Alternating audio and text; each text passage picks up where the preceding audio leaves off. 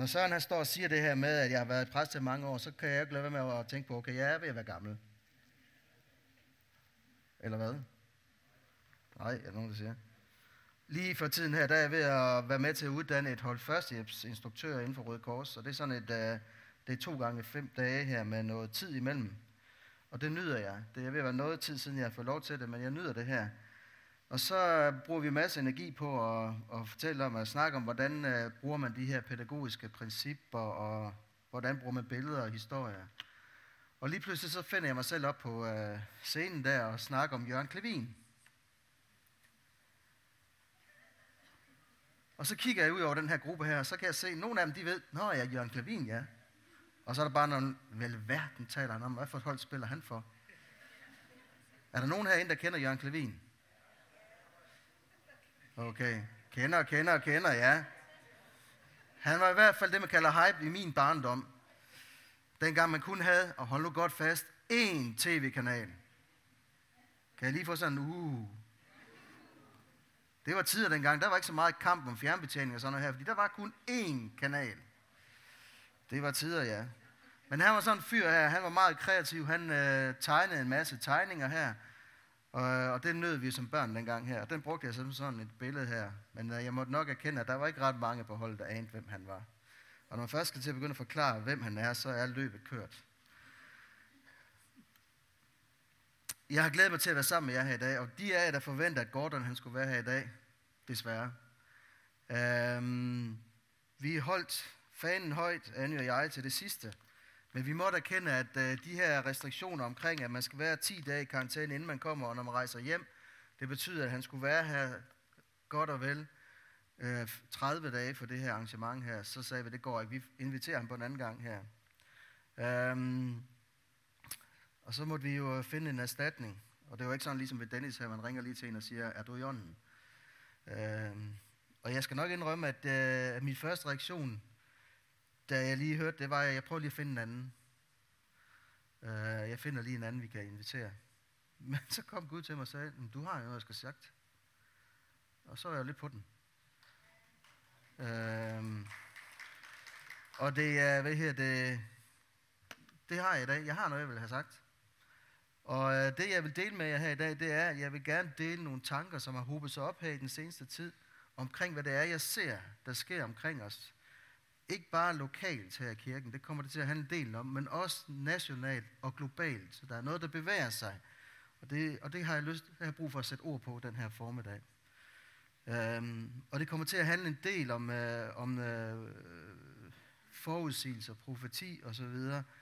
Øhm, og det her kan du måske tolke som en profeti, hvad der kommer til at ske i den fremkommende tid her.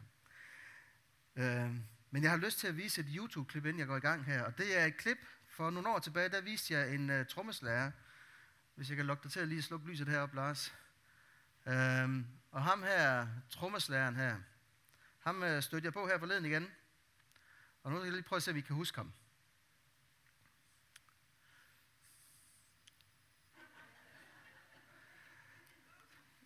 Der er to årsager til at vise det her klip her, eller tre. Den ene det er, at Gud han har jo opfundet humor. Så det er i orden, at vi nyder humoren også her i kirken her. Det andet, det var, at den musik her, den var populær, før jeg blev født. Så bare lige sådan, I ikke øh, skal dømme mig ældre her. Den andet, det var, at den her fyr her, der hedder Steve Moore, han er del af et band, der hedder All Nights. Og går man ind og følger ham på YouTube her, jamen så starter han for en del år tilbage med at lave det, han gør her. Og i starten, der kunne man godt se, at der var han ikke lige så populær hos hans forsanger. Det forstår man jo ikke, vel? Men det sjove det er, hvis man ser de nyere klip i dag her, så har de faktisk bygget et show op omkring ham, hvor forstanderen, han er faktisk også en habil uh, trommeslager selv, hvor de uh, faktisk udnytter det her. Og den tanke, som jeg godt kunne tænke mig at så med det her klip her i dag, det er, at det her det er et orkester, som spiller sammen. De er alle sammen musikere med hver deres stil, med hver deres instrument, men sammen så får de noget sat sammen, som uh, virker. Og den tanke her, den skal vi prøve at vende tilbage til her. Um, kender du det her med, at man står i en situation, hvor man, øh, hvor der er noget, man har ventet på længe, lige pludselig sker. Og da det endelig sker, så øh, kan man næsten ikke forstå, at det sker. Og jeg snakker ikke om, at, øh, at jeg skal til at samle mine strømper op ved siden af sengen og sådan noget her. Det er ikke det, jeg snakker om her. Man kender den følelse at hvis for eksempel har, har, får et barn, man har ventet i ni måneder på det her barn, og lige pludselig, så er det her. Er det ikke vildt? Og man kan næsten ikke fatte det. Og jeg har også sådan en oplevelse lige i øjeblikket her. Øh, jeg har studeret teologi og taget en bachelor. Og det startede jeg på i øh, den 11. august 2009. Og nu er jeg kommet igennem. Men det er ligesom hjernen, den har ikke fanget det. Jeg ved godt, der er nogen, der tænker, at det var også på tide, men... Øh, men jeg blev mindet om det igen her forleden. Der kom der en mail om, at nu skulle jeg til dimensionsfest op på højskolen deroppe. Og så gik det igen op for mig, hold fast, man, jeg er igennem nu. Og det har kostet øh, masser af tid. Øh, det er foregået på engelsk, og det er ikke mit øh, supersprog her. Så det har kostet rigtig mange timer at skulle køre det igennem. Nu er det sket. Og alligevel så kan man ikke fange det. Og sådan er det nogle gange, også med profetier, at man måske venter på noget, og når det så sker, så er det svært at gribe. Det kan være helbredelse, vi venter på. Det kan være kald, som vi ved, Jesus han har kaldet os til. Og der er sågar nogen, der går og venter på, at Jesus han kommer igen. Vi kan komme i den her venteposition, hvor vi næsten parkerer det hele, og egentlig er klar til at give op. Og glemme det, som vi egentlig venter på her. Men jeg har lyst til at starte med at sige, og det her det er ikke noget, jeg finder på, det er noget, der står i Bibelen her, at Herren han lyver ikke. Herren fortryder ikke sit kald, og Herren bryder ikke sine løfter. Israel de befandt sig i den her situation på et tidspunkt her. Konteksten det var, at de har haft 400 år, hvor der ikke var lyttet nogen af store profetier, som var værd at skrive om i Bibelen. Gamle testamente slutter af med Malakias bog, og det næste, der sker, det er Ny Testamente. Og imellem dem her to, der er der 400 år. 400 år, hvor der er en form for en profetisk tørke for Israel, virker det til. Og lige pludselig, så sker der noget. Så det er ligesom om, at det her med profeti, forudsigelse, kundskabsord, lige pludselig kommer på turbo. Der sker en masse over kort tid. Og det er den her kontekst, jeg godt kunne tænke mig bare lige om, og hurtigt at rise op her. Jeg er i Lukas evangeliet og starter i det første kapitel. Og det, der sker her, det er, at først så er der en præst ved navn Zacharias. Han får besøg af Gabriel, en engel, som forudsiger, at ham og Elisabeth, de skal få et barn.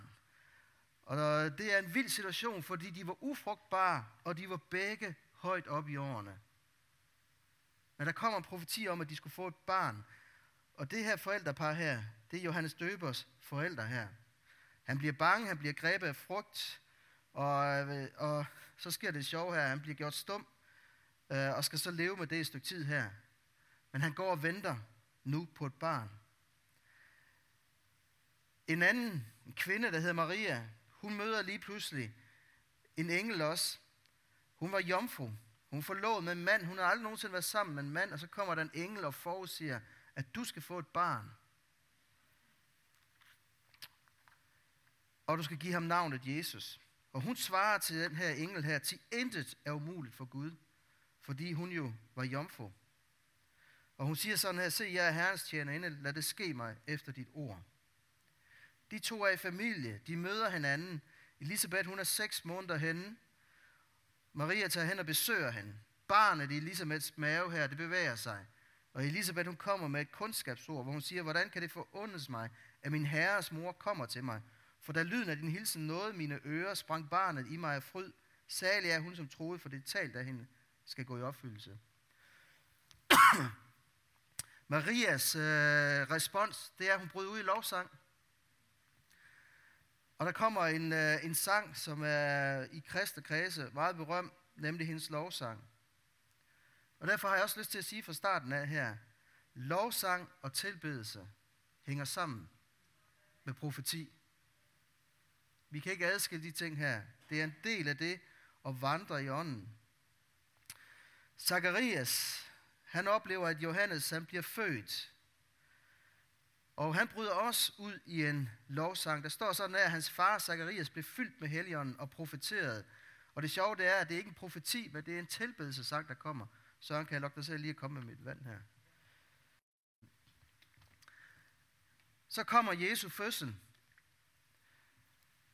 Og ude på marken her, der møder nogle hyrder, nogle engle. Og de engle her, de siger sådan her, se, jeg forkynder jer en stor glæde, som skal være for hele folket. Prøv at sige hele folket. Ære være Gud i det højeste på jorden. Fred til mennesker med Guds velbehag. Så englen her forudser, at nu er Jesus født, og hvad skal han? Men det slutter ikke her. Jesus bliver født. Josef og Maria tager ham med hen til Jerusalem, og der møder de en fyr, der hedder Simeon, som er en retfærdig og from mand, og som ventede på Israels trøst.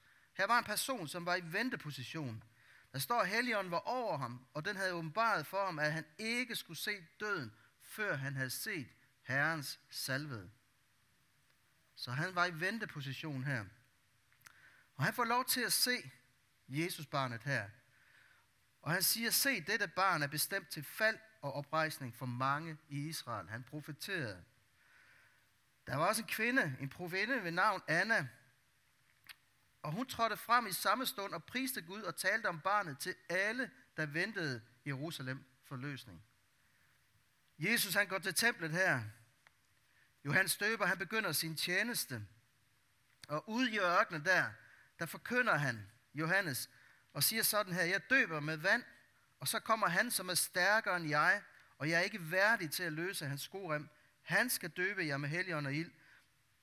Han har sin kasteskovl i hånden for at rydde sin tærskeplads og samle viden i sin lade, og med avnerne skal han brænde en ild, eller skal han brænde i en ild, der aldrig slukkes.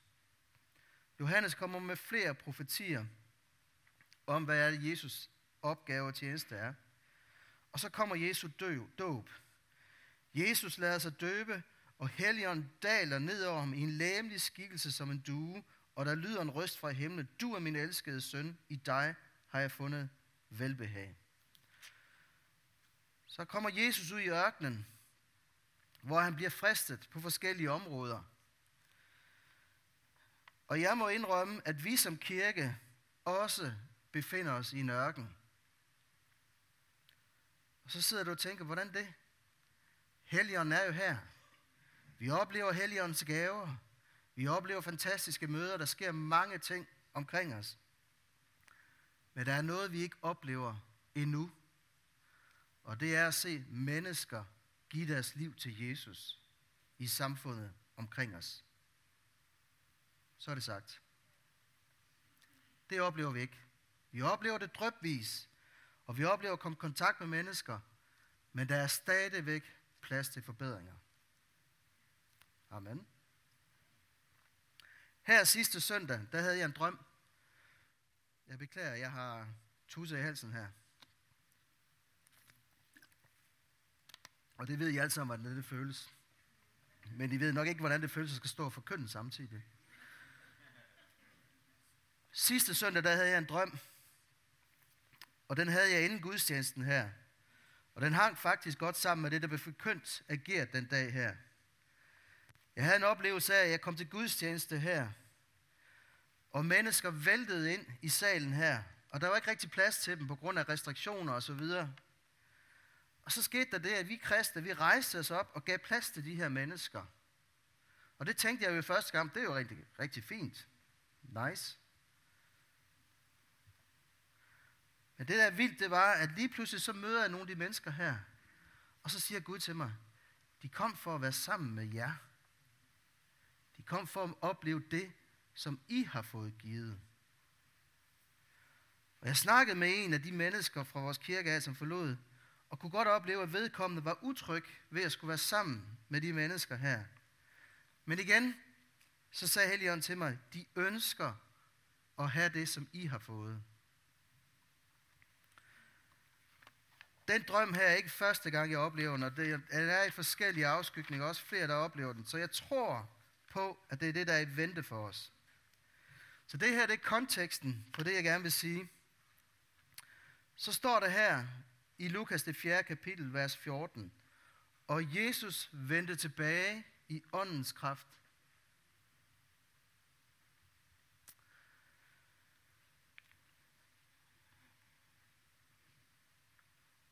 Jesus vendte tilbage i åndens kraft, tilbage til Galilea, og rygtet om ham spredtes over hele egnen. Han underviste i deres synagoger og blev berømmet af alle. Efter den her vandring i ørkenen, så vendte til Jesus tilbage i åndens kraft.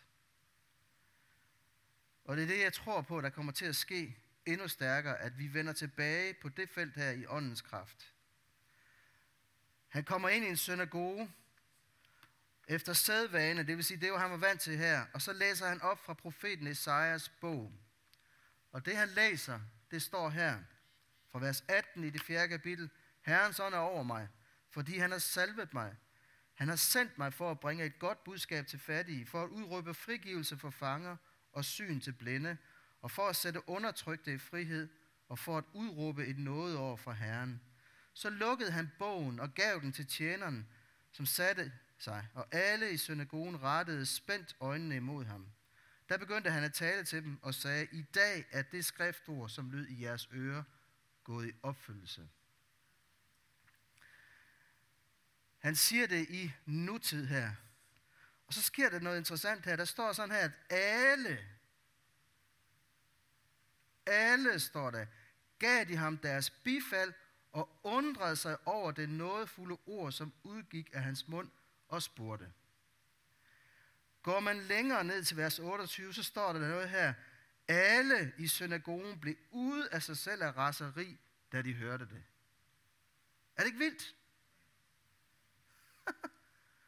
Man starter med at sige, yes, det er godt det her. Det er nådefuldt, det er underfuldt, og det er alle, der gør det. Og lige pludselig så er man rasende på ham. På Jesus. Hvorfor nu det? Hvad er det, der sker imellem de to vers her?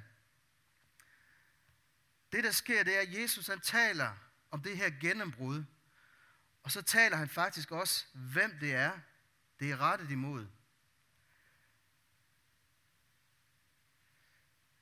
Gennembrud her er rettet mod en enke i Sabara i Sidons land og syren Naman.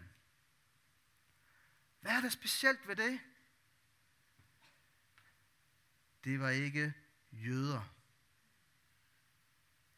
Så lige pludselig fortæller han, det her gennembrud, det er rettet mod mennesker, der ikke hører til her normalt.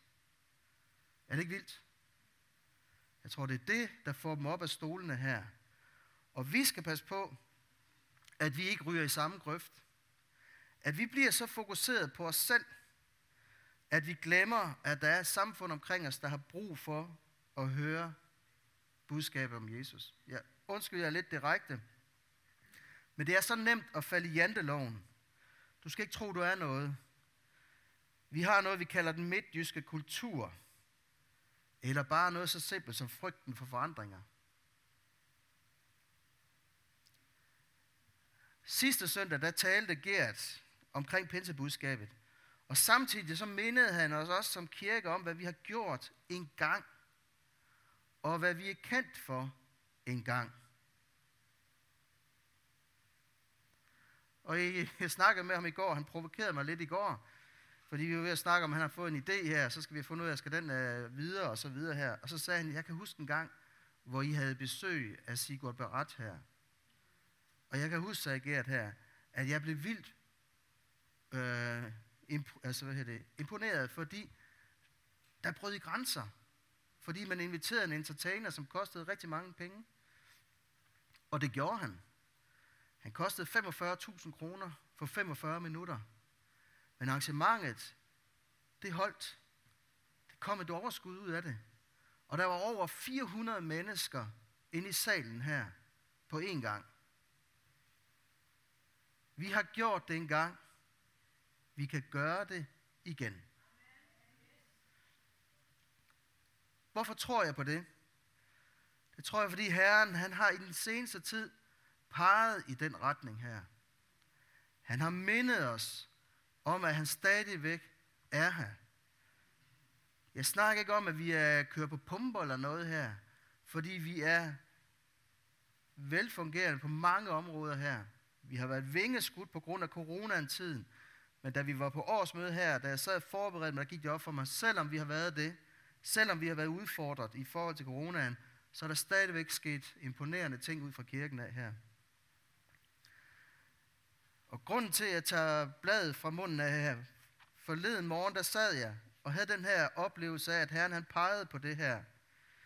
Og det første, han pegede på, det første skrift, der hedder, det er et, jeg har delt før. Det er fra Isaias kapitel 60. Der står der, rejs dig, bliv lys, for dit lys er kommet. Herrens herlighed er brudt frem over dig. For se, mørke dækker jorden, mulme dækker folkene. Men over dig bryder Herren frem. Hans herlighed viser sig over dig. Folkeslagen skal komme til dit lys, og folkene konger til dit strålegans. Så kommer det her. Løft blikket og se dig omkring. De samles alle og kommer til dig. Dine sønner kommer fra det fjerne. Dine døtre bæres ved hoften. Jeg tror stadigvæk, Herren han siger til os, rejs dig og bliv lys. At vi stadigvæk skal løfte blikket og se på ham. Da Jesus han øh, siger de her ord i synagogen, så er det Isaias bog, han læser fra. Isaias bog er en bog, som tolkes både som et profetisk skrift til Israel, men også et billede på menigheden og et billede på den enkelte person.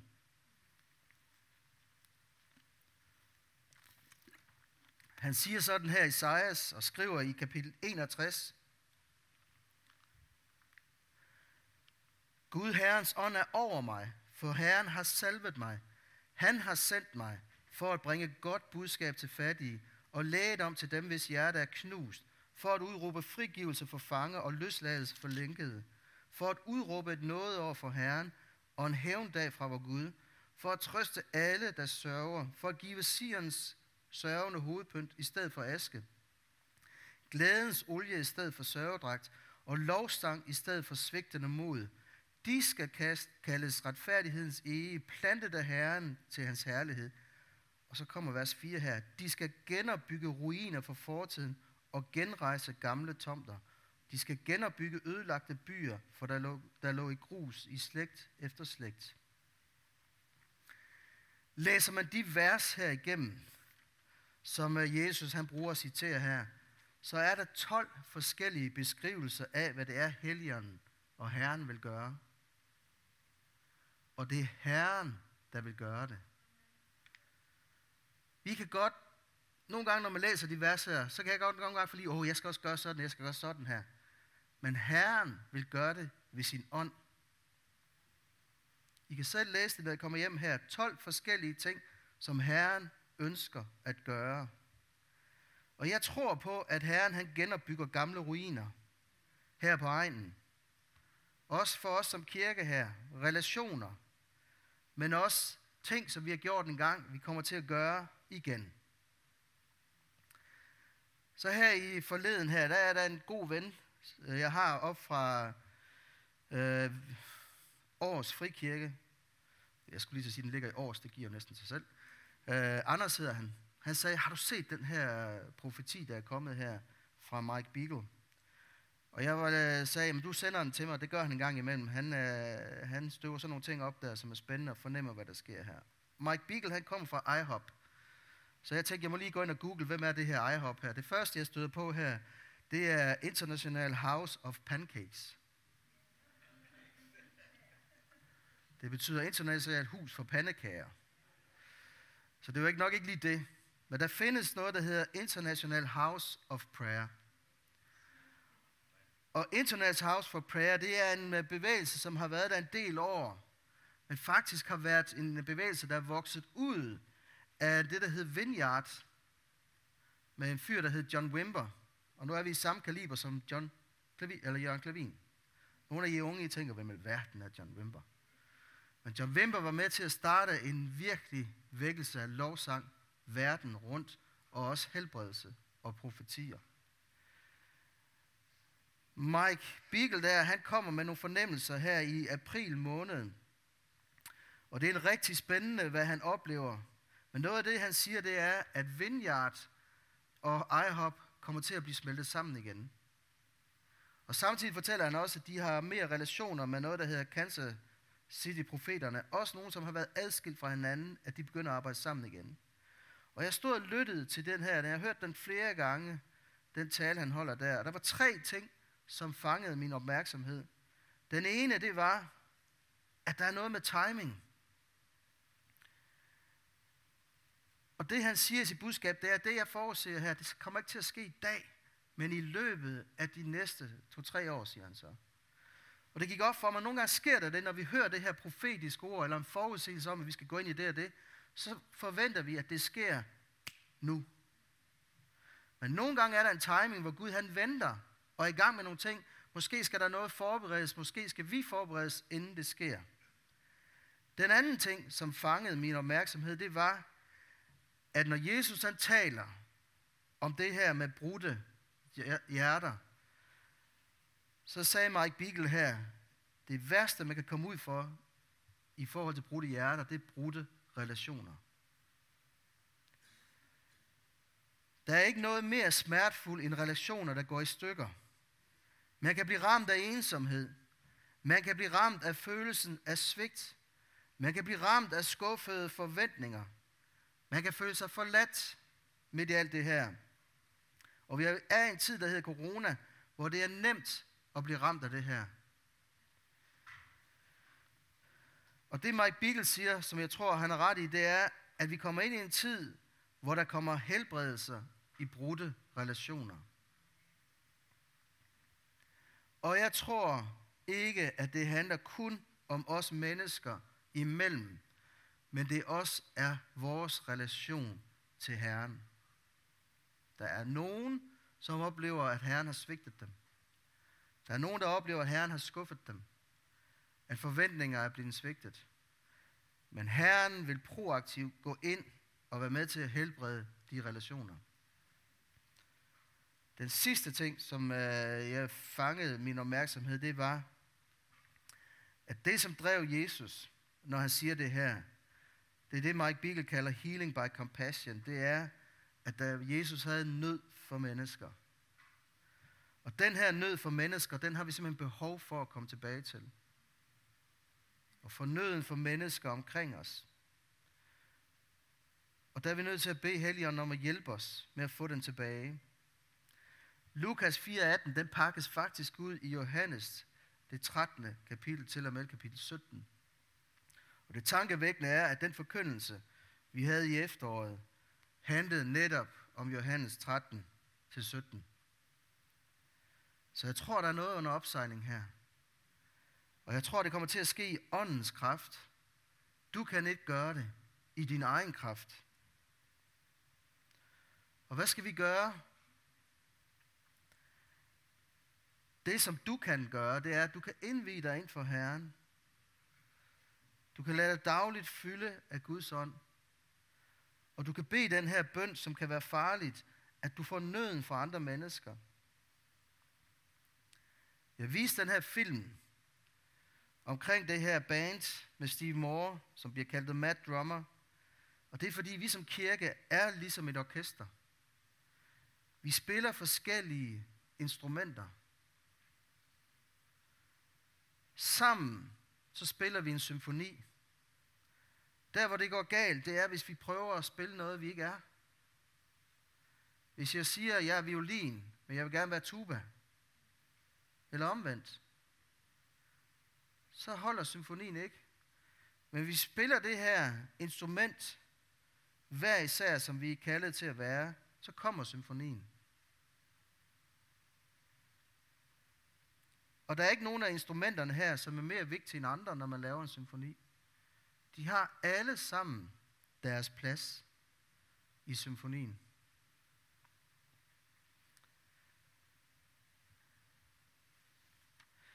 Esajas 58 taler om en genopbyggelse af fortidens ruiner. Og det jeg vil slutte af med, det vil sige, da jeg gav mit liv til Jesus, Og jeg har også åbenbart dig, hvis ikke du har gjort det nu og sagt til Jesus, Jesus, jeg ønsker at følge dig, så har du muligheden den her formiddag. Men jeg kan huske, dengang jeg gav mit liv til Jesus, jeg var 20 år gammel. Og det, der fascinerede mig dengang her, det var, at det var en tid, hvor åndens kraft og profetier fik plads. Det var også dengang en tid, hvor børn og unge fyldte kirken her. Det var også en tid dengang, hvor lovsang og tilbedelse. Og de ting er vi i gang med. Men vi var regionale. Vi var nationale. Og vi var globale som kirke. Og spørgsmålet er, vi er stadigvæk globale, men er vi regionale? Er vi nationale, længere ud over vores egen kirke her? Det er et godt spørgsmål. Fordi vi er kaldet til at række ud over murene.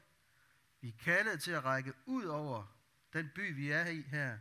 Vi er kaldet til at række ud til en egen omkring os, hvor der ligger masser af byer, hvor der bor masser af mennesker, som ikke har hørt om Jesus. Vi er kaldet til at være noget for Danmark, og vi er kaldet noget til, eller for at være noget for verden globalt. Men vi kan ikke gøre det i egen kraft. Vi kan gøre det i åndens kraft.